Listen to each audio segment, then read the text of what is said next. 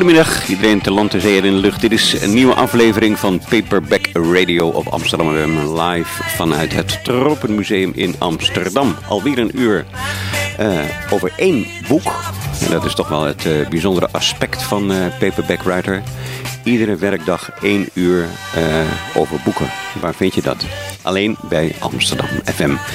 Mijn naam is Frans van der Beek. Aan tafel zit in ieder geval uh, zoals gewoonlijk uh, Eddie Esman. En hij heeft zijn column meegenomen. En hij zal zich ook nadrukkelijk bemoeien met dit, uh, dit vraaggesprek. Maar de gast vandaag, daar gaat het uiteindelijk om. Dat is Karen Hogeboom.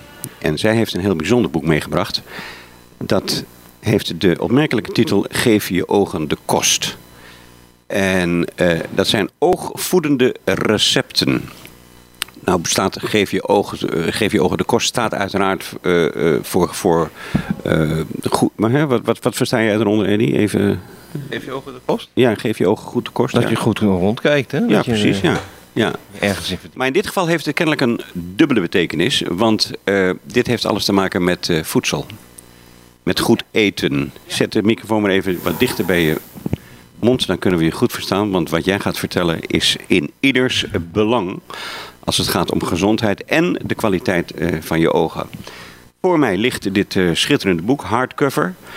Uh, erg mooi uitgegeven. Uh, en het heeft inderdaad, zoals ik al zei, een zeer bijzondere inhoud. Want het gaat over eten als onze voorouders. Want die hadden ook geen bril. Nee, dat klopt. Ehm, ja, geef je ogen de kost. Het... Ja, ik hoor je niet helemaal nee goed, maar dat uh, gaan we nu even regelen. Zo, zeg maar weer wat, Karin. Ja. ja. ja. nu gaat het beter, denk ja, ik. Of okay. zit het hier? Oh. Nou, Ge oh ja. Geef je ogen de kost. Ja, nu gaat het goed. ben ik er nu wel. Uh, Luisteraars, dank voor uw geduld. Ja, daar gaan het we. heeft inderdaad een dubbele betekenis. Het gaat over uh, welke voedingsstoffen je ogen nodig hebben. Dus hoe voed je jouw ogen op de juiste manier. Maar dat uh, goed om je heen kijken is zeker ook een aspect ervan.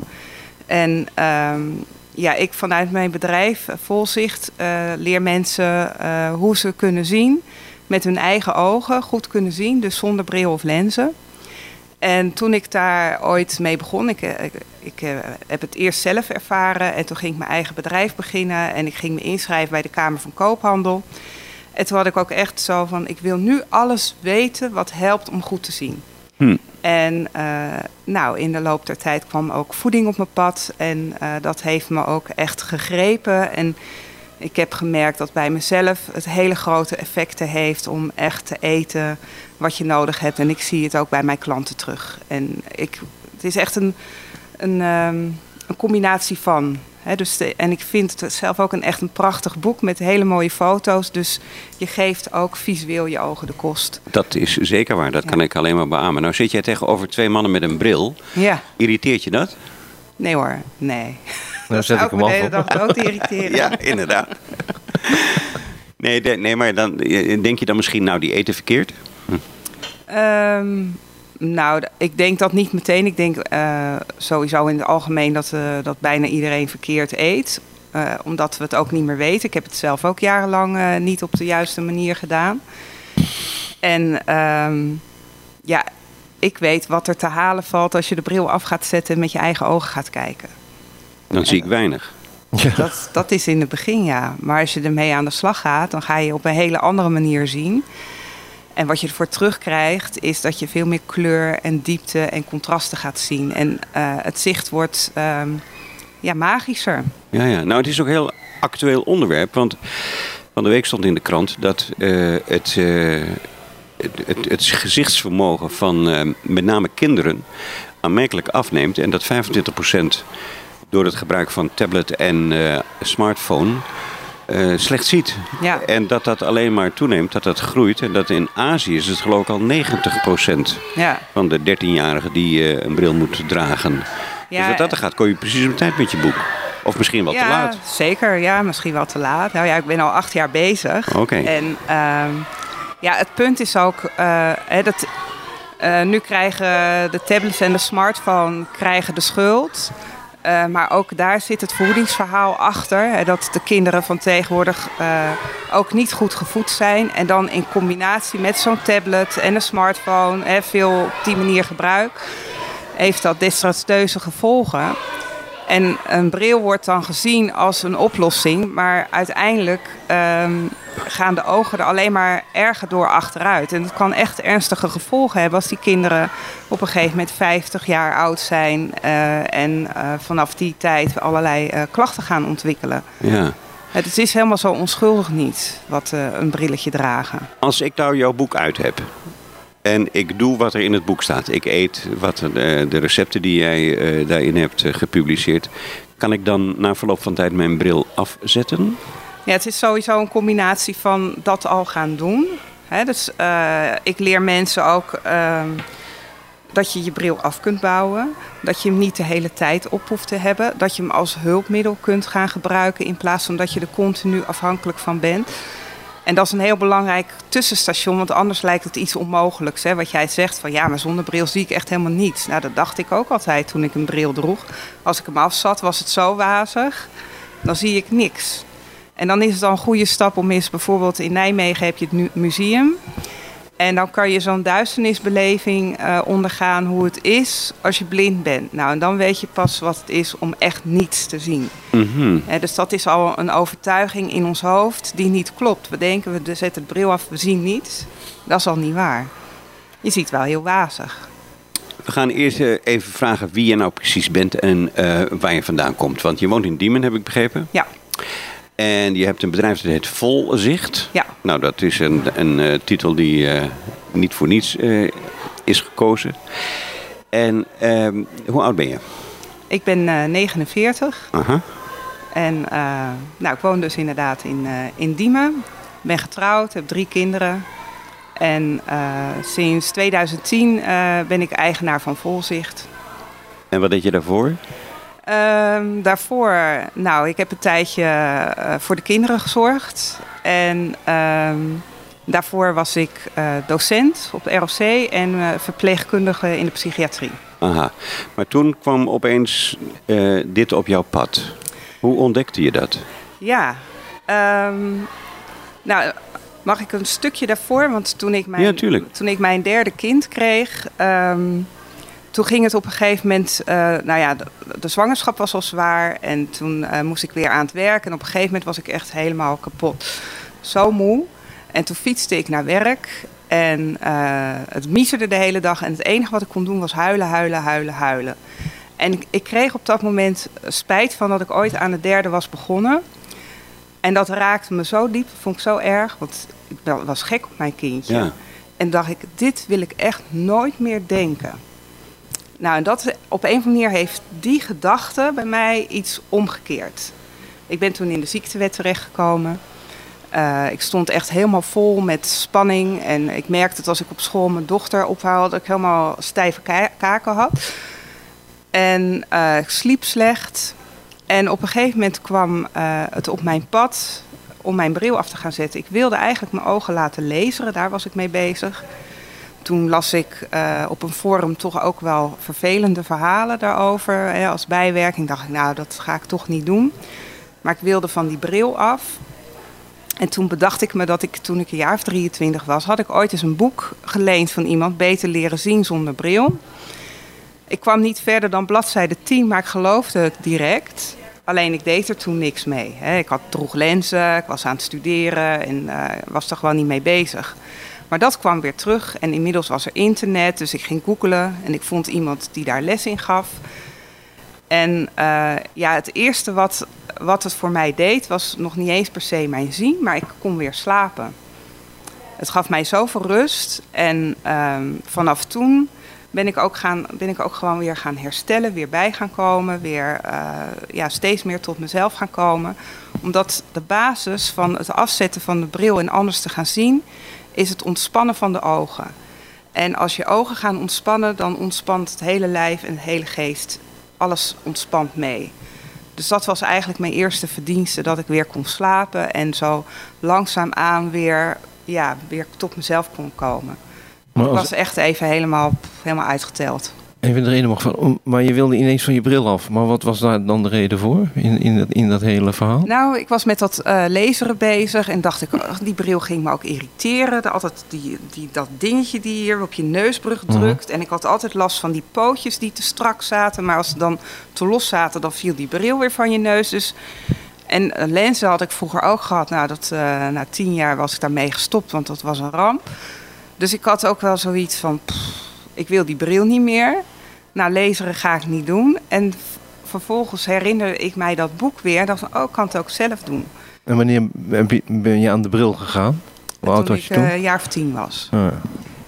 Maar dat is al heel jong. Ja. Maar ik zie nog even niet het verband tussen die huilbui die je had, die, die eh, een ommekeer teweeg bracht, en het afzetten van je bril. Nou, die huilbui en eh, dat, nou, die gedachte over mijn zoon en dat ik dat nooit meer wilde. Eh, ja, voor mij is dat de aanzet geweest dat er een verandering kwam in mijn leven. Ah. Zo en zie ik daar het. vloeide eh, de, de, de weerzin tegen de bril uit voort. Ja. ja, dat kan je natuurlijk niet zo heel duidelijk zien. Maar als ik er achteraf naar terugkijk, denk ik, oh, daar is het begonnen. Toen had ik echt zoiets van, zo wil ik niet verder. En Ah. dat is eh, door die bril af te gaan zetten, heeft dat mijn hele leven veranderd. En toen ben je met volzicht begonnen. En wat, wat, wat doe je in dat bedrijf? Eh, ja, ik heb, ehm, het is, eh, eh, ik heb een website en ik blog op mijn site. Volzicht.nl neem ik aan. volzicht.nl. Ja. ja. Ik heb gratis e-book. en daarnaast heb ik allerlei verschillende manieren om mensen te helpen. Dus ik heb online producten gemaakt. En ik doe ook live evenementen. En ik heb een programma om mensen in te begeleiden. En dan leer ik ze eh, de ogen te ontspannen. Hè, dat is eigenlijk de eerste stap. En eh, vanuit die ontspanning eh, je bril af te gaan zetten en anders te gaan leren zien. Want het is gewoon een andere manier van kijken die je gaat leren. De, de, de luisteraars zijn nu heel erg benieuwd hoe je dat doet. Kun je een kleine sessie rustgevende ogen geven nu? Ja. Laat u er maar even voor zitten, luisteraars. ja, Karin Hogeboom gaat je leren hoe je met je ogen kunt ontspannen. ja. Nou, de eh, oefening die ik je ga leren, dit is echt een meditatieve oefening. Dus dat eh, doe je, eh, daar neem je echt even de tijd voor. Hè. Dat zijn ook oefeningen dat je gewoon in het zien het anders leert zien. Maar dit is een hele goede ontspannende oefening en dat heet palmeren. En wat je daarvoor doet, je gaat je handen tegen elkaar aanwrijven. En zo, en je handpalmen, zodat ze lekker warm worden. En bij jullie zit wel de bril nu in de weg voor de oefening. Ik zet hem af. En dan doe je je vingers over elkaar. En die plaats je op je voorhoofd en dan je handpalmen over je ogen. Ja, Eh, het is nu donker. en dan is het nu donker. Ja, en dan is het wel fijn dat je ook even je ellebogen neerzet. Als mis- ja, want anders ga je je ellebogen optrekken en dan krijg je daar allemaal spanning. En je ogen sluit. En, ehm, nou, en dat je gewoon zo een tijdje even rustig gaat zitten. Want die duisternis, die donkerte, dat eh, geeft heel veel rust en ontspanning aan de ogen. Ze hoeven niks te doen, ze hoeven niks te zien. En ze mogen even helemaal tot rust komen. Val al bijna in slaap. En laat die donkerte maar naar binnen stromen. Want ook het donkere, de duisternis, is ook een hele fijne voeding voor de ogen. hè. dus geef je ogen de kost. Het gaat niet alleen maar over wat je tot je neemt in je, hè, via je mond met eten. Maar ook op deze manier dat je je ogen voedt. En ehm, ja, we zitten hier in de stad en eigenlijk is hier nauwelijks nog duisternis. Als ik s'avonds in het donker op straat loop, dan branden er overal lantaarnpalen. En voor de ogen is het juist heel prettig om ook echt, echt in de echte duisternis te zijn. En dit is een manier om dat aan jezelf te geven. En eh, dat kun je meerdere keren per dag doen. En het is in ieder geval heel goed om eh, hier de dag mee te beginnen. Zodat je met ontspannen ogen de dag start. Ik denk dat als je daar bepaalde a- ademhalingsoefeningen bij doet, dat je dan helemaal in een zen-sfeer komt. Ja, natuurlijk. We doen het nu eventjes uh, zo tussen de microfoons in. Maar het grappige is ook dat als je dit uh, doet, uh, zonder dat je ademhalingsoefeningen doet, het, je adem vanzelf al tot rust komt. Ja, het klopt. Ja. Dat had die, daar, daarom kwam ik erop, want ik, ik betrapte mij er zelf op dat ik anders ging ademen. Ja. ja. Dus het werkt. Het werkt, ja. Nou, hartelijk dank daarvoor. Ja. We gaan dat in ieder geval drie keer per dag doen. We gaan even terug naar uh, jouw boek. Geef je ogen de kost. Oogvoedende recepten van Karin Hogeboom, die hier bij Paperback Radio aan tafel zit. Maar je hebt het niet alleen geschreven. Ik zie Nee. nog een naam op de cover, Tanja Stevens. Tanja, ik heb het samen met Tanja gemaakt. En eh, Tanja Stevens is eh, voedingdeskundige. En ehm, nou ja, zij denkt op dezelfde manier over voeding eh, als ik. We zijn alle twee geïnteresseerd en geïntegreerd geraakt door de bevindingen van Weston Price. En Weston Price, staat ook een foto van in het boek. Dat is een, ehm, een tandarts en kaakchirurg uit de vorige eeuw. En hij, uh, hij leefde in de tijd dat um, fotografie net was ontdekt. En ook in de tijd dat uh, er was wel een moderne westerse samenleving, maar er waren nog natuurvolkeren die geïsoleerd leefden. Hmm. En er stonden foto's van avonturiers in de National Geographic. En dan zag hij van, hé, hey, die mensen hebben hele mooie gebitten. En dat is niet wat hij zag in de tandartsstoel. Dus dat is even een andere ingang dan, uh, dan de ogen. Maar daar schrijft hij uiteindelijk ook over in zijn boek. Maar waar het om gaat is dat hij bij 14 natuurvolkeren is geweest met zijn vrouw samen, dus over de hele wereld, die nog geïsoleerd leefden.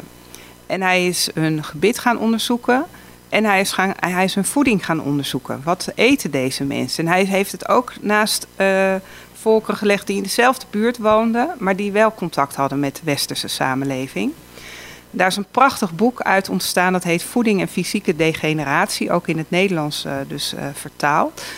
En ja, daar staat eigenlijk dus de oerwijsheid in over voeding. Hm, hm, hm. En in het begin kon hij er ook geen kaas van maken. Want ja, die mensen leefden overal en op allerlei verschillende plekken.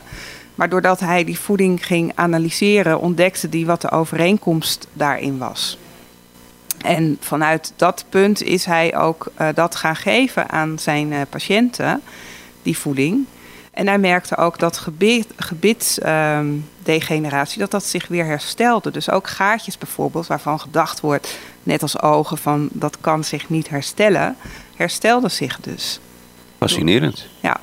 Hij heeft uh, elf gezonde principes samengesteld. Ja. Die staan allemaal in jouw boek. En uh, we nemen ze even door. Ja. Want dat is natuurlijk uh, heel interessant om te weten wat dat dan precies is. Ja. Op de eerste plaats staat geen geraffineerde producten. Ja, dus dat is eigenlijk. Uh, hè, wij in onze samenleving kopen steeds meer producten uit de supermarkt die in de fabrieken zijn gemaakt. Suiker. Suiker, maar ook uh, sowieso kant-en-klaar maaltijden, uh, koekjes, chips, maar ook olie zoals zonnebloemolie en margarine, dat soort dingen. Dat is allemaal bewerkt en dat is niet zo gezond voor ons lichaam. Nee, maar als ik in de supermarkt ben en ik zoek iets wat niet geraffineerd is, dan moet ik lang zoeken volgens mij. Nee, dat is wel hoor. Want ik, ik doe ook nog heel veel boodschappen in de supermarkt. Maar ik kom gewoon bij de groenteafdeling. Uh, de vlees en de kaas. Nou ja, dat haal ik beperkt uit de supermarkt. Want daar heb ik eigenlijk mijn andere bronnen voor. Maar dat kan wel. Hmm. En um, ja, dat is het. Je hoeft niet meer zo die hele supermarkt door. Dat scheelt een hoop. Uh, maar zijn ze moeilijk te vinden, niet geraffineerde producten? Het gaat om, ja, weet je, als jij gaat koken en je, en je koopt gewoon uh, groente, vlees en. Um. Ja, rijst, aardappelen. Maar eigenlijk vooral het groente en vlees is van. Dat andere is eigenlijk een beetje bijproduct wat niet Aha. zoveel uh, toelevert. Dan kan je, prima, kan je prima koken. Ja, ja. Op tweede plaats, dierlijke producten. Ja. Ja, Weston Price verwachtte eigenlijk dat hij uh, vegetariërs zou tegenkomen bij Ja. die natuurvolkeren. Maar dat was niet zo. En er is wel een verschil in de hoeveelheid dierlijke producten die uh, de mensen aten. Want als je bij de Noordpool woont, dan is er ook nauwelijks plantaardig voedsel te krijgen. Dus die mensen aten praktisch alleen maar dierlijke producten. Misschien nog wat zeewier erbij. En uh, zat je bij de Stille Zuidzee, hè, waar alles groeit en bloeit dan aten ze natuurlijk ook groentes en fruit. Maar dan doken ze nog diep de oceaan in om bepaalde schelpdieren te vangen. Omdat ze wisten dat daar zoveel voedzame uh, nutriënten in zaten. Ja, ja. Dus dierlijke producten zijn goed, in principe. Ja. Een hele geruststelling. Mineralen en vetoplosbare vitamines uit dierlijke producten. Ja, dus wat hij ook ontdekte, dat uh, vet, verzadigd vet, dus waar we eigenlijk de laatste honderd jaar zeker bang voor zijn gemaakt, dat dat heel ongezond zou zijn. Dus dat komt uit dierlijke producten, hè, dus roomboter, maar ook uh, reuzel, ossewit, uh, kokosolie, dus een plantaardige verzadigd vet. Dat dat heel belangrijk is voor het lichaam om vitamines en mineralen op te nemen. Als je die vetten niet binnenkrijgt, dan spoelt je lichaam alles weer weg. Oh, interessant om te weten. Uh, rauwe dierlijke producten. Daar huiver ik een beetje bij, eerlijk gezegd. Ja, daar zijn we ook bang voor gemaakt, voor rauw. Rauwe vis en rauw vlees. Haring eten we Haring, ja, nee, dat is waar. Dat is waar, ja. Maar ook... Uh, Oesters. Oesters. En, en, en die, die Japanners tonijn en toch? Ja. Ook rauw allemaal? Ja, tuna, ja. Ja, en ik heb ook wel eens een keer, uh, zag ik een uh, van wie was dat ook alweer? Je had de serie The Tribe. En die man die ging uh, bij allerlei natuurvolkeren mee. En dan waren, was hij bij, uh, bij de Inuit. En dan hadden ze een, een, een eland geslacht. En die mensen die aten dat, zo, dat bloed aten ze direct uit dat dier. Dat, het voordeel is als je dat rauw eet... Drinkt, dan, ja. ja, drinkt als je dat rauw drinkt, maar het gaat ook over ander orgaanvlees wat ze dan rauw aten, dan zijn alle voedingsmiddelen nog intact en is het veel makkelijker verteerbaar. Dus ook eieren bijvoorbeeld kun je prima rauw eten. Nou, dat, dat uh, rauwe eieren, daar is ook een enorm taboe op. En rauwe melk bijvoorbeeld ook. Een natuurvolker aten, nou wij vroeger ook, wij dronken gewoon rauwe melk. En uh, boeren maakten kaas van de rauwe melk. En uh, dat bestaat gelukkig nog. Maar als jij rauwe melk wil drinken, dan moet je echt naar de boer toe en je eigen flesje meenemen. Want anders is het namelijk verboden. dus de hele supermarkt staat vol uh, energiedrankjes met allerlei zooi. Maar de rauwe melk is verboden, want dat zou gevaarlijk zijn. Terwijl het dus heel voedzaam voor ons is. Ja. Juist omdat het rauw is, dan blijven die enzymen intact. En dat zijn hele voedingswaardevolle enzymen. Nou, die staat op vijf. Veel eh, enzymen en bacteriën. Ja. Belangrijk. Even, even, even advocaat van de duivel. Ja. Uh, die, die, die volkeren vroeger, die werden niet oud. Ja, dat is ook een, uh, ook een mythe. Die mensen werden wel oud. Een deel, ge, het, het leven was wat gevaarlijker qua, uh, nou ja, ja, dat ze, weet ik veel, uit een boom konden vallen of zo. Dat, konden in het begin, er kunnen wel mensen sterven, maar mensen werden ook heel oud. En je ziet ook in dat boek, want hij heeft van al die mensen foto's genomen. Nou staat bijvoorbeeld ook een vrouw in van 99 jaar. Nou, ze lijkt eerder 50. Echt heel gezond en vitaal ziet ze eruit. Hm. Nou, goed. Nou, enzymen en bacteriën. Dus dat is uh, traditionele diëten. Staat hier bevatten een hoog gehalte aan enzymen uit rauwe zuivelproducten, waar je het net over had, rauw vlees. En rauwe vis, rauwe honing, tropisch fruit, koud geperste oliën, wijnen, ongepasteuriseerd bier. Ongepasteuriseerd bier? Waar haal je dat? Nou ja, ja, eh, me, wat je moet het zelf maken. Ja. Zelf maken. Ja, nou ja, je hebt natuurlijk als het, uh, die kleine brouwerijen, die doen wel steeds meer op de ouderwetse manier brouwen. Uh, zaden, granen, noten en groenten bewerken. Wat bedoel je daarmee? Uh, nou, die werden voorverteerd. Want in groenten en zaden en noten zitten stofjes waar wij niet zo goed tegen kunnen. Onder andere bijvoorbeeld vitinezuur. En wat is het effect daarvan? Dat, dat rooft je lichaam weer van mineralen om het te kunnen verteren. Oké. En wat deden mensen vroeger? Die, en, we, je kent het allemaal wel, dat groenten bijvoorbeeld werden ingemaakt om lang houdbaar te blijven, zoals ouderwetse zuurkool. Maar het was ook een, tegelijkertijd een fermentatieproces, wat ervoor zorgt dat die stofjes uit, uh, uit de voeding gaat, die giftige stofjes. En daarvoor in de plaats krijg je probiotica. Hè? Dus dat, uh, zuurkool is heel goed voor je darmen, omdat, het met, uh, omdat er zoveel bacteriën in zitten.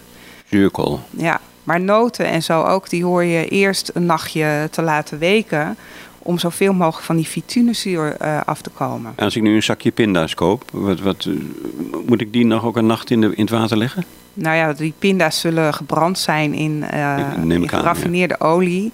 Dus je kan het sowieso beter niet opeten. Oké. Eh, veel verzadigde vetten. Dat zal, uh, dat zal veel mensen als muziek in de oren klinken. Ja, ja, dat is wat ik net al vertelde. Die verzadigde vetten. En je moet het ook zien, hè, je hersenen die bestaan voor 60% uit verzadigd vet.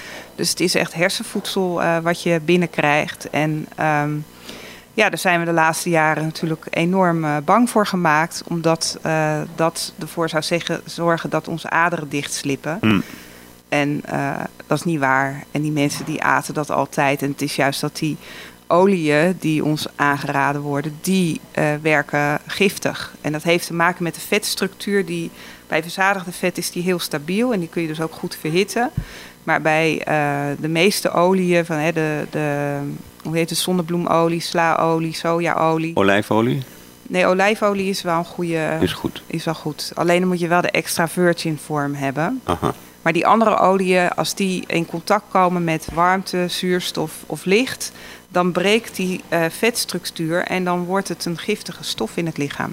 Nou ja, al die oliën die in de supermarkt staan en die verwerkt zijn in allerlei voeding, die, die hebben die bewerking ondergaan. Dus als je bijvoorbeeld uh, zonnebloemolie gebruikt, dan moet het koud, koud geperst zijn. Dan moet je het goed uh, zorgvuldig koud en donker bewaren.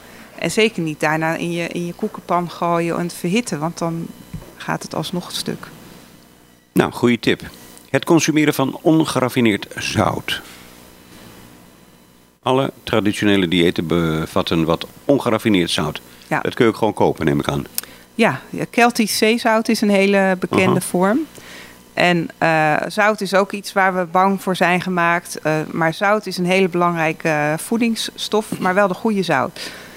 En je moet je nagaan dat uh, ons lichaam, de waterhuishouding, dat heeft iemand ook onderzocht, is precies hetzelfde als de zee. dus wij zijn net zo zout als de zee. En dan kan je ook proeven als je huilt. Ik weet niet of je ja, als huilt. Ja, ja zoute tranen. Zijn je tranen zijn Zilte zout. tranen, ja. De zout hebben we nodig. En uh, natuur, dat ontdekte Weston Price ook. Er waren natuurvolkeren die woonden hoog in de bergen waar bijvoorbeeld geen zout was. En dan gingen ze echt ieder jaar hele lange uh, dagtochten maken om bij de kust zout te winnen. Want anders kregen ze klachten. Ja, ja. Uh, bottenbouillon drinken. Dat, is, dat doe je uh, als je op de ouderwetse manier soep maakt. Doe je er ook zo'n mergpijpje in. Ja. En dat is goed. Ja, ja. ja wij, wij breiden het nog meer uit dan alleen een mergpijpje. Ja, ja. Wat gooi je er nog meer in dan? Uh, ja, er zijn natuurlijk veel meer botten. En je kunt bijvoorbeeld ook de gewrichten erin doen, zoals uh, kniestuk. Uh, daar zit ook heel veel van die. Um, nou, ben even de naam kwijt, maar wat het, wat het bindt, kraakweefsel en zo. En dat is, dan krijg je hele gelatinerijke soepen van. Maar kan ik naar de slager gaan en zeggen: geeft u mij een kniestuk? Nou, dat is tegenwoordig niet zo gemakkelijker meer om, om te krijgen hoor. Maar ik uh, bestel het bij mijn slager. Ja, neemt hij het voor me mee. Oké. Ja. En dan ook, hè, als ik het heb dan over, over dierlijke producten. En we hebben het natuurlijk ook over dat het niet uit de supermarkt mag komen. Uh, alle voedingen niet uit de fabriek mag komen. Maar zo te, dat telt ook voor de dieren die je gebruikt voor je voeding. Als die allemaal opgehokt staan in een stal en uh, volgestouwd worden met granen die ze niet kunnen verteren en antibiotica. Dat is niet de oorspronkelijke dierlijke producten waar wij het over hebben. Dus dat benadrukken we ook heel sterk in het boek. Het moeten dieren zijn die buiten rondgegraasd hebben. Mm -hmm. Dus het is ook belangrijk dat je een goede slager vindt of uh, op een andere manier uh, aan je. En die kun je het ook gerust vragen. Doe mij een uh, kniestuk. Ja, het is gewoon vragen. Vraag, waar komt jouw vee vandaan? En ja. okay. kan ik een kniestuk bij je bestellen? We hebben er nog één. Gezond nageslacht. Wat wordt daarmee bedoeld? Ja, dat natuurvolkeren die besteden daar heel veel aandacht aan. Dus ze aten al heel gezond. Maar op het moment dat uh, jonge mensen, hè, dat het tijd was uh, om te gaan trouwen en kindjes te gaan krijgen, dan kregen zij nog extra voedende voeding. Dus om te zorgen dat het nageslacht sterk tevoorschijn komt. Ah. Dus ze waren daar al zo heel erg mee bezig, maar dan ook nog eens extra om te zorgen voor een goed sterk nageslacht. Oké, okay. nou, heel erg duidelijk. Dat waren de, de principes, de elf principes van uh, Weston Price. Ze staan allemaal in het boek Geef je ogen de kost van Karin Hogeboom en Tanja Stevens. En uh, Karin zit hier nu aan tafel en gaat daar zometeen nog veel meer over vertellen. Maar eerst... Heb ik nog een vraagje. Ah, oh, ik, dacht, heb, ik dacht je de column zag. Nou, doe maar dan. heb, heb, heb je ooit zijn er ooit discussies geweest met de reguliere wetenschap bijvoorbeeld? Want ik, ik vind altijd van dit soort dingen, dan wordt zo'n hele, eh, die wetenschap die wordt al helemaal terzijde eh, geschoven. Hè? Je hebt ook zo'n zo'n uh, vereniging van, tegen kwakzalverij en zo, die zijn daar nogal fel in. Uh, heb, is daar ooit contact mee geweest? Want het lijkt dan net alsof dit de grote guru is die het allemaal weet, terwijl andere mensen daar ook jaren op gestudeerd hebben en onderzocht hebben. Die, dat is allemaal onzin. Uh, het ligt eraan. sommige onderzoeken zijn onzin. Ja, er zitten, zitten onzinonderzoeken tussen. En Weston Price is juist ook heel wetenschappelijk te werk gegaan, omdat hij die twee volkeren, de een nog helemaal geïsoleerd levend en de ander in contact met de westerse samenleving, en daar foto's van heeft gemaakt. En je ziet het ook echt terug in hun gezondheid en in hun gebitten. Dat uh, degenen die in contact waren met de westerse samenleving en dus een heel ander voedingspatroon hadden uh, daar zag je extreem tandbederf, tuberculose kwam er voor en uh, botvervormingen. Dus hij heeft een heel groot, sterk wetenschappelijk uh, werk aan ons nagelaten. Maar hoe stond hij dan in de wetenschap? Want er waren toch ook wetenschappers die hij ontmoette of die er iets van zeiden of waarmee hij, neem ik aan, nou, discussieerde of zo? Uh, ik weet uh, wat in zijn boek uh, schrijft een neef over hem. En dat hij veel aanbiedingen kreeg om met anderen daarover samen te werken, daarop door te gaan. En dat hij zei: nee, dat doe ik niet. Ik doe het vanuit mezelf, want anders is het niet meer zuiver. Hè? Dan komt er, komen er allerlei invloeden die het kunnen beïnvloeden. Dus hij hield het heel zuiver bij zichzelf, zonder dat hij afhankelijk was van andere partijen. En dat is ook, wel komen terecht, want heel veel, uh, of heel veel, maar in ieder geval uh, een aantal uh, wetenschappelijke onderzoeken worden gefinancierd door belanghebbenden, door stakeholders, ja. die daarmee de, de zaak sturen, ook, ja. hè, de uitkomsten. Ja, ja precies. wordt het nu tijd? Ed? Ja, ik durf of heb je nog een vraag meer te stellen. Nee, begrijp Komt-ie. Vissen. Nu ik er zo over nadenk, blijkt in mijn leven voor vis een toonaangevende bijrol te zijn weggelegd. Dat moet al vroeg begonnen zijn, maar voor zover ik het kan overzien, gaat de oudste herinnering terug naar de vrijdag. Zoals in heel katholiek Nederland was vrijdag visdag bij ons thuis, wat doorgaans gebakken school inhield. Het was de tijd van de overzichtelijke week. Maandag was het wasdag, woensdag gehaktdag en vrijdag dus visdag. Ook vakantieperioden werden door vis gekenmerkt. Tijdens de herfstvakanties, de paasvakantie en de grote vakantie begaven wij ons gewapend met schepnet en emmer dagelijks naar het weilandgebied achter ons huis om daar op stekelbaarsjes, vorentjes en snoeken te gaan jagen. De stekelbaarsjes vormden de gemakkelijkste prooi en die sneuvelden dan ook bij bosjes. Dat laatste gebeurde thuis, zodat we de volgende dag weer genoodzaakt waren erop uit te trekken. Vissen met een hengel heb ik zelf nooit gedaan. Mijn broer deed dat wel, hoewel hij voor het aanprikken van het aas en het verwijderen van de vis van de haak altijd een jongetje uit de buurt meenam. Niet dat mijn broer vies was van vis, hij is later zelfs vissersboten gaan bouwen en ik kan me herinneren dat hij in die tijd een keer is thuisgekomen met een klein kantje haring waarvan hij de inhoud persoonlijk in de keuken ging schoonmaken. Dagenlang vond mijn moeder nog overal de schubben. Ik heb ook nog een aquarium gehad. De aanzet daartoe werd gegeven door een klasgenoot die guppies en black mollies hield. Het leuke van met name die visjes is dat ze levendbarend zijn. En dat kan ook nog eens in een hoog tempo. Binnen de kortste keren had ik dan ook een bak vol.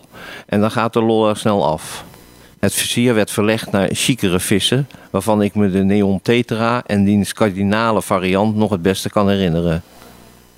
Terwijl ik als hondenliefhebber nog nooit, om maar wat te noemen, een golden retriever heb gegeten, ben ik vreemd genoeg wel altijd gewoon vis blijven eten. En dat bevalt me nog steeds prima. Misschien alleen al omdat vis moet zwemmen. En reken erop dat ik dat zal laten doen. Tadadada.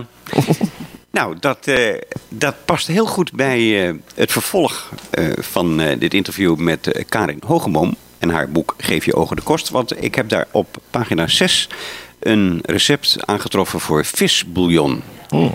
En niet zomaar visbouillon, want let- ik lees, even, ik lees het even voor.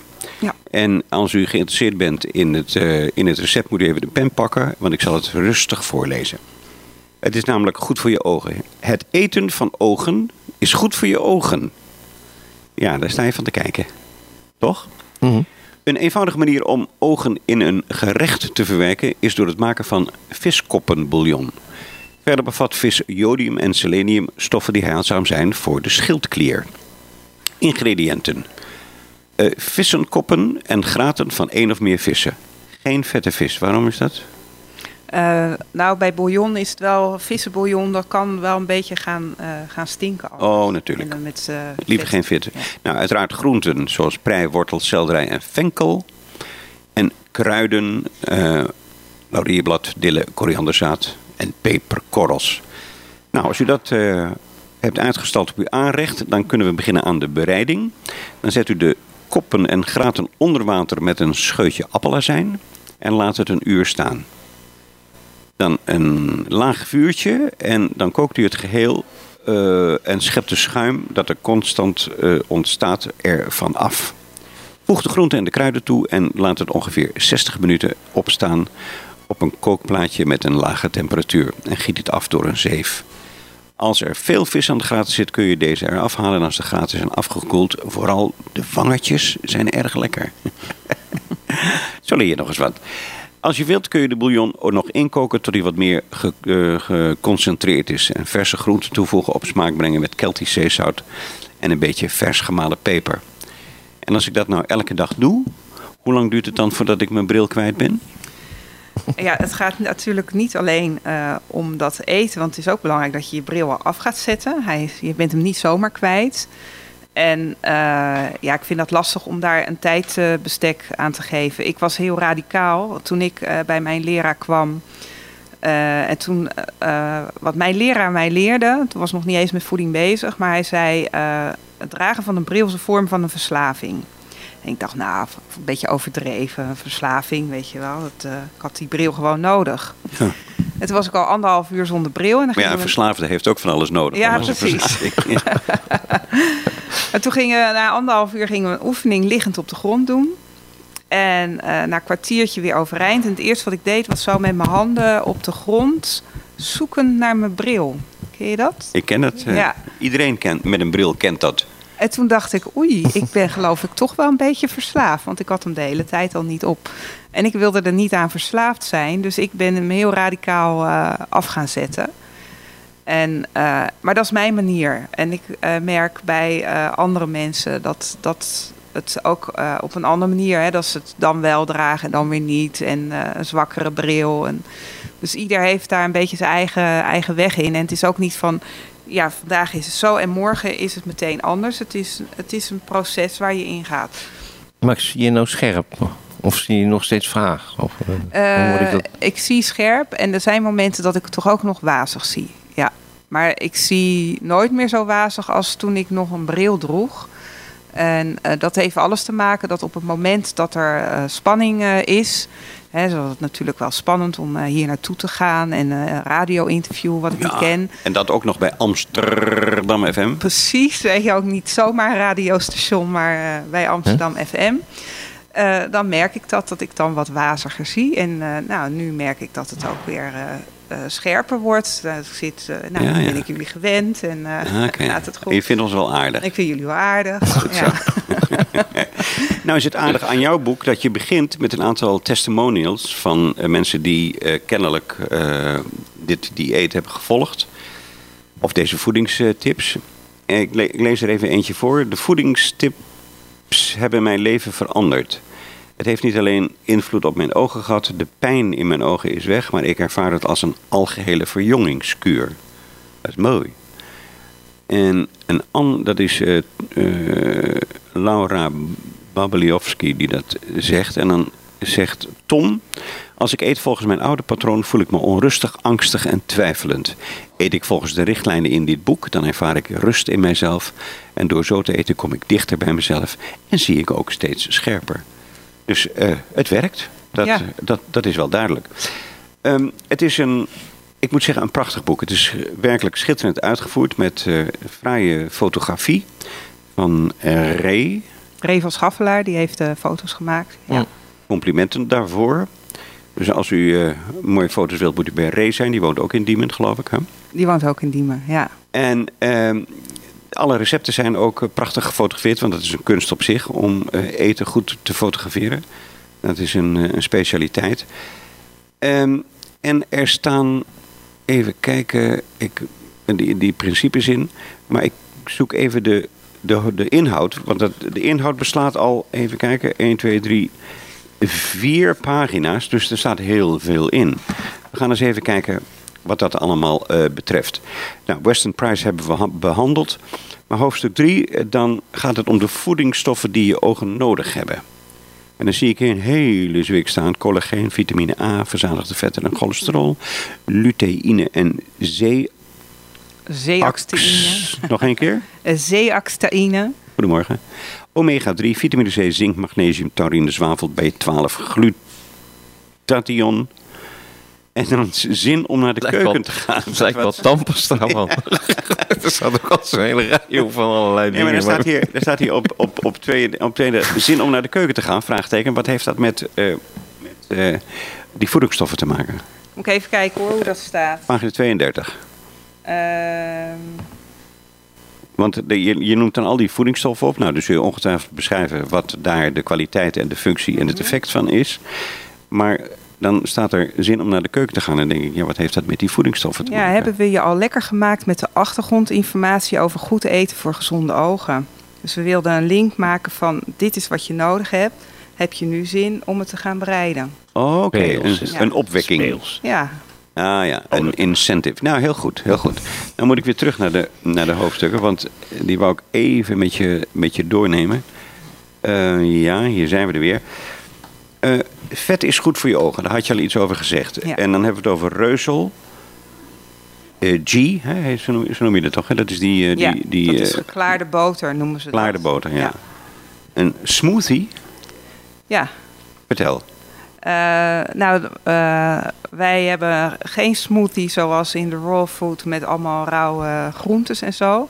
Onze smoothie bestaat uit eh vol vette yoghurt, slagroom en rauwe eieren. Zo, En ja, dat is zeg maar de basis met honing om het zoet te maken of een goede jam of, of vers fruit. En dan heb je echt een hele goede basis om de dag mee te starten. Het is ook wat Tom eh, vertelde, dat met het oude eten, of zijn oude voedingspatroon, dat hij dan heel onrustig wordt. En ons eten, eh, zoals we meestal eten, eh, geeft heel veel onrust. Want eh, we eten voornamelijk koolhydraten. En eh, koolhydraten, dat moet je altijd vergelijken met houtsnippers. En die, als je daar vuurtje van maakt, dan is het heel snel opgebrand. ja, ja. En verzadigde vetten, dat is de houtblok. En die blijft wel uren Branden. branden totdat die op is. En eh, ja, als je de dag begint met een boterham of met eh havermoutpap, dan begin je met koolhydraten en dan eh, is het vuurtje heel snel op en krijg je alweer trek. Maar je kunt dat ook merken in dat je onrustig wordt in, eh, in hoe je je voelt. En als je het om gaat zetten naar verzadigde vetten als basis. Natuurlijk mag daar hè, honing of fruit is wel koolhydraten, dat mag er wel bij. Maar dan heb je een goede basis en daar kan je heel lang mee doen. En dan word je zelf ook gewoon veel rustiger van. Ja, ja. Ik neem aan dat eh opticiens niet erg blij zijn met jouw boek. Geen idee. Nou, ik weet wel zeker van niet. Als iedereen dit boek gaat lezen en de bril afzet, dan, eh, ja, dan zijn we ook van die hinderlijke advertenties van eh, René Ja. Vroger af, toch? Dat wel. Dat, dat zou in ieder geval al een... eh, Daarvoor het is er al een reden genoeg om boek, reden om het boek te te, lezen, promoten. Kijk, als je een slimme opticien bent, dan spring je er juist op in. Want mijn klanten die gaan ook hun bril afbouwen, wat ik al zei. Hè? En daar kunnen ze Oké. natuurlijk ook wel begeleiding eh, in gebruiken. En nu moeten ze zelf maar naar de opticien en dan krijgen ze aanwijzingen van mij. En dan, eh, die opticien die heeft meestal iets van, nou, eh, doe jij niet zo raar. ja. Dus het kan juist ook uh, een gat in de markt zijn. Jawel, maar op een gegeven moment, uh, als je het afgebouwd hebt, heb je die bril niet meer nodig. Nee, maar er zijn en... zoveel uh, brildragers. Dus ik denk die opticien die ervoor kiest om dat op die manier te gaan doen, die kan er wel een goede boterham mee verdienen. Maar uiteindelijk dan, dan niet meer. Maar we hebben het echt wel over miljoenen mensen die brillen dragen. Dat is waar. Dat is ook niet van vandaag op morgen verdwenen. Nee, nee, nee, nee. nee. En ook de, de, de, de voedsellobby, de suikerlobby, et cetera. Die, uh, die, die, zeggen dat dat bij een gezond voedingspatroon hoort. Precies. Staat er letterlijk op. Allemaal leugenaars. Ja. Zwendelaars zijn het. We gaan nog even naar uh, superfood eten. Betekent supergoed zien. Kun je dat uh, verklaren? Uh, ja, als jij uh, de voedingsstoffen binnenkrijgt die uh, je nodig hebt, dan kijk, je moet het zien, je ogen zijn hele delicate organen.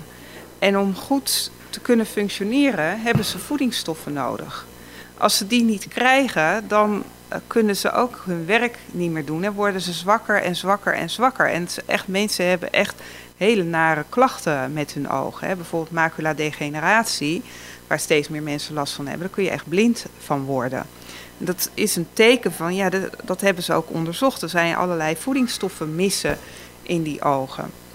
Dus uh, er gebeuren eigenlijk twee dingen. We eten voeding zoals suiker, dat uh, vraagt van ons lichaam uh, om de vitamines en mineralen uit de gezonde cellen te halen om het te verteren, want we kunnen dat niet goed verteren. Dus en net als die vitinezuur ook, wat in, uh, in de noten en zo uh, zit. En tegelijkertijd krijgen ze niet de voedingsstoffen die ze nodig hebben. Dus op een gegeven moment dan... Ja, het is als een auto zonder benzine, die rijdt ook niet. Ik las ook iets over uh, de relatie tussen darmen en je ogen. Ja. Want de, de, de darmen zijn de, de ogen van je lichaam. Iets in die geest. Nou ja, darmen en uh, hersenen hebben sowieso een directe link met elkaar. En uh, ik zeg altijd, of nou, dat zeg ik niet alleen, maar ogen zijn een onderdeel van je hersenen. Het is het enige stukje hersenen wat je van buitenaf kan zien. En als het niet goed gaat met je darmen, dan gaat het ook niet goed met je hersenen. En dat heeft dan weer invloed op je ogen? Ja, dat heeft invloed op je ogen. En uh, ik ben er ook van overtuigd dat heel veel klachten die mensen in de ogen hebben, ja, dat, dan, hier uit het zich, maar van, van binnen bij de hersenen gaat het dan ook niet goed. Nee, duidelijk. En in de, en de darmen gaat het ook niet goed. Dus wij hebben ook uh, ja, heel veel voeding die niet alleen helend is voor de ogen, maar ook voor de darmen. En dat wordt dan in hoofdstuk 7, denk ik, ook behandeld. Want daar lees ik fermenteren voor een vitale visuele cortex. Ja. Ik zal het nog één keer herhalen. fermenteren voor een vitale visuele cortex. Mooi, hè? Ja, schitterend. Het is bijna een gedicht. Ja. Maar dat heeft dus ook met die hersenwerking uh, te maken. Ja, dat heeft. Uh, je, je fermenteert. Fer, fermentatie geeft heel veel probiotica. En ja. probiotica is heel belangrijk voor gezonde darmen. En als je darmen gezond zijn, dan uh, zijn je hersenen ook gezond. Oké, okay, dat zit allemaal in rode zuurkool, meiknolletjes, zure komkommer, witlofsalade, zuurkool, waterkefir, kombucha. Dat haal je op de dappermarkt, denk ik. Uh, kombucha, nou dat maak je zelf. Dat oh. is een, uh, een soort, dat is een, uh, het is een zwam. En dat maak je met thee en, en suiker. En die kombucha suiker. eet die suiker. Ja, ja, ik gebruik zelf gebruik ik dan bijvoorbeeld oerzoet. Hè, dat is een ongeraffineerde suiker. Er zijn ook veel mensen die doen het met witte suiker, maar ik hou het liefst het volle product. Dus met oerzoet bijvoorbeeld, want die kombucha die eet die suiker. Dus die suiker wordt eruit gehaald. Oh, okay. En dan krijg je probiotica voor in de plaats. Oh, prachtig. En dat kan je drinken. En eigenlijk is het een voorloper van... Want als je het goed hebt gemaakt... En de kefir is ook zo'n drankje... Dan heeft het prik in zich. Maar dan van nature. Dus het is de natuurlijke oorspronkelijke variant... als wat je nu 7-Up en cola en weet ik veel allemaal voor zooi hebt. Mocht u net hebben ingeschakeld, uh, omdat u toevallig even te laat was om uh, op tijd naar Paperback Radio te luisteren, dan kan ik u vertellen dat wij praten met Karin Hogeboom over haar uh, boek Geef je ogen de kost. Waaruit blijkt dat als je goed eet, volgens de recepten die ook in dit boek staan, dan kun je uiteindelijk na verloop van tijd je, je bril afzetten. En het is vanzelfsprekend ook heel erg goed voor je algehele welzijn. Het is heel goed voor je algehele welzijn. Kan daar ook wel wat over vertellen. Ik had vroeger ook altijd last van hooikoorts. En een echt uh, hele erg tranende, jeukende ogen en een jeukende, snotterige neus had ik helemaal verstopt. En mijn keel, uh, en dat, had ik, nou, dat, dat heb ik denk ik vanaf mijn tiende, dus dat heb ik echt jaren gehad. En door mijn bril af te gaan zetten, werd het al minder. Maar toen ik zo ging eten, was het gewoon weg. En ook verkoudheid, ik was altijd verkouden, was ook weg. Dus dat en, en daarnaast dat ik me gewoon veel, veel rustiger voel. Ik ben, hè, we leven in een stressvolle samenleving, maar ik voel dat ik zelf gewoon in mijn rust sta. Ik ben eigenlijk nooit ziek. Is het ook goed voor je humeur? Zeker, ja. Oh, je gaat... kan je er 200 mee worden eigenlijk? Nou, 200 lijkt me wat veel, maar... Oké, 150. Maar je wordt wel uh, ouder, neem ik aan, als je, als je uh, dit volgt. Ja, en je wordt uh, gezonder oud. Want heel ja. veel oude mensen zijn niet meer gezond. Dat klopt. En, ja. en eigenlijk begint dat ook al vroeg. Dat mensen aan de pillen zitten vanwege dat of dat of dat. En dit geeft je gezondheid weer terug. En je mag ook uh, genieten, het staat hier in hoofdstuk 9, glunderend genieten van goed zoet. Ja, ja. Uh, dat ziet er lekker uit. After Eight, kokosmacronen, chocolademousse. Dan zou je toch op het eerste gezicht denken, dat moet je mijden. Ja, maar niet met de ingrediënten waar wij het mee maken. Ah. He, dus het is. Maar het dan uh, nog wel? Geen, ja, het is echt heerlijk. Er zit ook een, uh, een recept van een taart in. En uh, nou, mijn kinderen likken hun vingers erbij af. Oké. Okay. Dus dat, uh, maar het gaat er maar om dat je de goede ingrediënten toevoegt, dat je het goed behandelt. En hè, er zitten heel veel uh, zoete recepten in met gefermenteerde zuivel bijvoorbeeld. Ehm, je kunt, gelatine is een belangrijk product. De gelatine maakt bijvoorbeeld yoghurt uh, stijf, dat je uh, panna cotta staat er bijvoorbeeld in. Mm -hmm. Dus uh, we voegen ook de stofjes toe die heel belangrijk zijn voor de gezondheid en voor de gezondheid van de ogen. En voor, de, voor het zoet gebruiken we bijvoorbeeld palmsuiker of honing. En dat, ja, dan moet je geen kilo's van eten per dag, maar je kunt daar heus wel een beetje van nemen. En dat, is, dat heeft niet zo'n enorme werking op je bloedsuikerspiegel als witte suiker heeft. Ja, ja. Plus zitten alle vitamines en mineralen daar nog in. Dus ja, je kan dat ook veel makkelijker verteren en zo. Nou, ik kan alleen maar constateren dat dit een, een buitengewoon belangrijk boek is. Zeker in deze tijd waarin mensen zo slecht eten, cola drinken. En uh, zichzelf eigenlijk uh, nadrukkelijk verwaarlozen. Ja. Dus eigenlijk moet iedereen dit boek hebben. Eigenlijk wel, ja. ja. Het kost weliswaar 37 euro, heb ik begrepen. Maar goed, dat is natuurlijk te verwaarlozen als je de, de gezonde effecten daarvan uh, zou kunnen kapitaliseren. Dat is een veelvoud daarvan. Uh, wie geeft het uit? Uh, ik heb het zelf uitgegeven. Dat heeft natuurlijk ook een beperking, neem ik aan. Ehm, ja, Misschien, ik weet het niet. Ik, heb ja, maar ik wil graag dat iedereen dit boek gaat kopen en ja, lezen. Want het natuurlijk, de, iedereen website. schiet daar iets mee op. Ja. En maar wat moeten ze dan doen om het, om het uh, aan te schaffen? Als ze gaan naar volzicht slash geef je ogen de kost, dan kunnen ze het boek bestellen. Oké. Okay. Ja. Het is niet, niet verkrijgbaar in de boekhandel. Je ligt niet Nog bij niet. het CB. Nee, het is, heel, het is niet makkelijk om uh, een boek in de boekhandel te krijgen. En uh, dan hadden we bij allerlei grote uitgeverijen moeten gaan leuren. En uh, we hebben dit boek met z'n vieren gemaakt. En we wilden het ook graag met z'n vieren in, in handen houden. Want anders Mhm. heb je ook kans dat een uitgeverij zegt van... ja, is wel leuk, maar wij nemen onze eigen fotograaf. En uh, ik wilde juist deze foto's ook uh, ervoor gebruiken. Dus we hebben het, we hebben het zelf gedaan. Nou, maar ik zou het onder kunnen brengen bij het, cent- eh, bij het Centraal Boekhuis. Ja. En dan kunnen boekhandelaren daar bestellen. Ja, ja, dat kan. Nou goed, we hebben het, het boek is nog maar net uit. Hè, dus we zijn gewoon eerst met onze eigen bestellingen en zo uh, bezig. En dat kan een volgende stap zijn. Ja, en het is natuurlijk ook een roestvrij boek. Want over tien jaar is dit nog steeds Ja. opportun, nietwaar? Over honderd jaar nog steeds. Ja, ja, dat bedoel ik. Over duizend jaar. Dus het, het zou ook mogelijk kunnen zijn, even, even fantaseren, dat een uitgever zegt: ja, maar dit is iets wat perfect in mijn fonds past. En we, we, we nemen dat eh, over. Dat Ja. ook een, een mogelijkheid kunnen zou zijn. een mogelijkheid zijn als, Als wij dan tevreden zijn met de voorwaarden. dan- Uiteraard, nee, dat spreekt voor dan zich. En de royalties vooral. Maar ja, goed, je komt Ja. met een kant-en-klaar boek. Wat er schitterend jullie zijn uitziet. natuurlijk heel sterk in kleine lettertjes ook. Die kunnen jullie goed lezen. Ja, ja, dat is ook een hele goede oefening voor je ogen. Hè? Ja, en anders moet je Eddie even bellen, want Eddie is zelf een uitgever en die kent de tricks en de trades. Oké. Dus die, eh, die kan je er wel bij, eh, bij adviseren.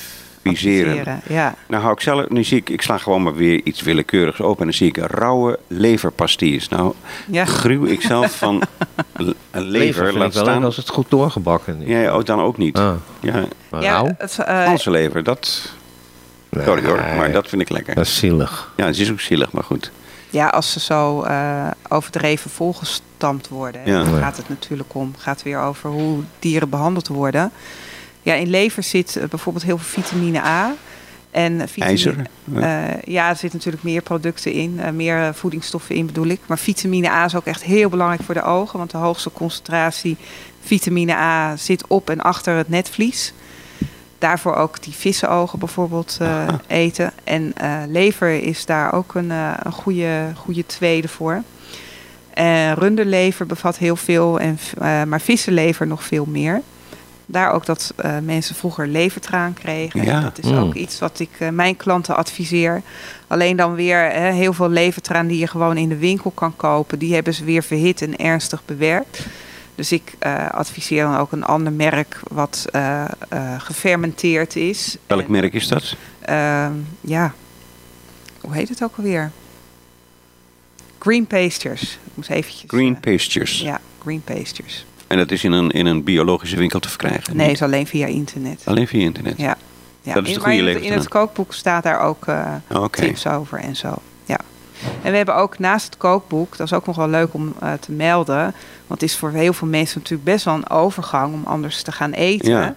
Als je dat niet gewend bent. Dus we hebben ook een online training gemaakt.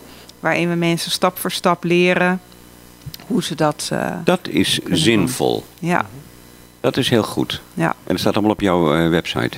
Maar is het duur? Wat? Vaak, vaak, nou, vaak Oh, van, die, van die andere menus of van, hè, andere recepten is vaak duur. Duurder Is dit wanneer duurder dan normaal? eh, Qua eten? ja? Nee. Nee?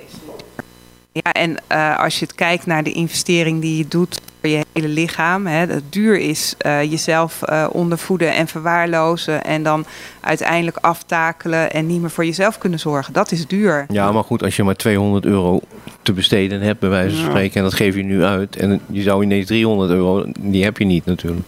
Nee, maar ik denk dat Dat het een kwestie is van hoe je het besteedt. Hè? Dat Hm? je de juiste... Ja. eh, dat dat kan. Maar ja, dan moet je die, die, die, die eh, twee liter flessen cola bijvoorbeeld laten staan. Dat scheelt Die, al een eh, hoop. Dat scheelt al een hoop, ja.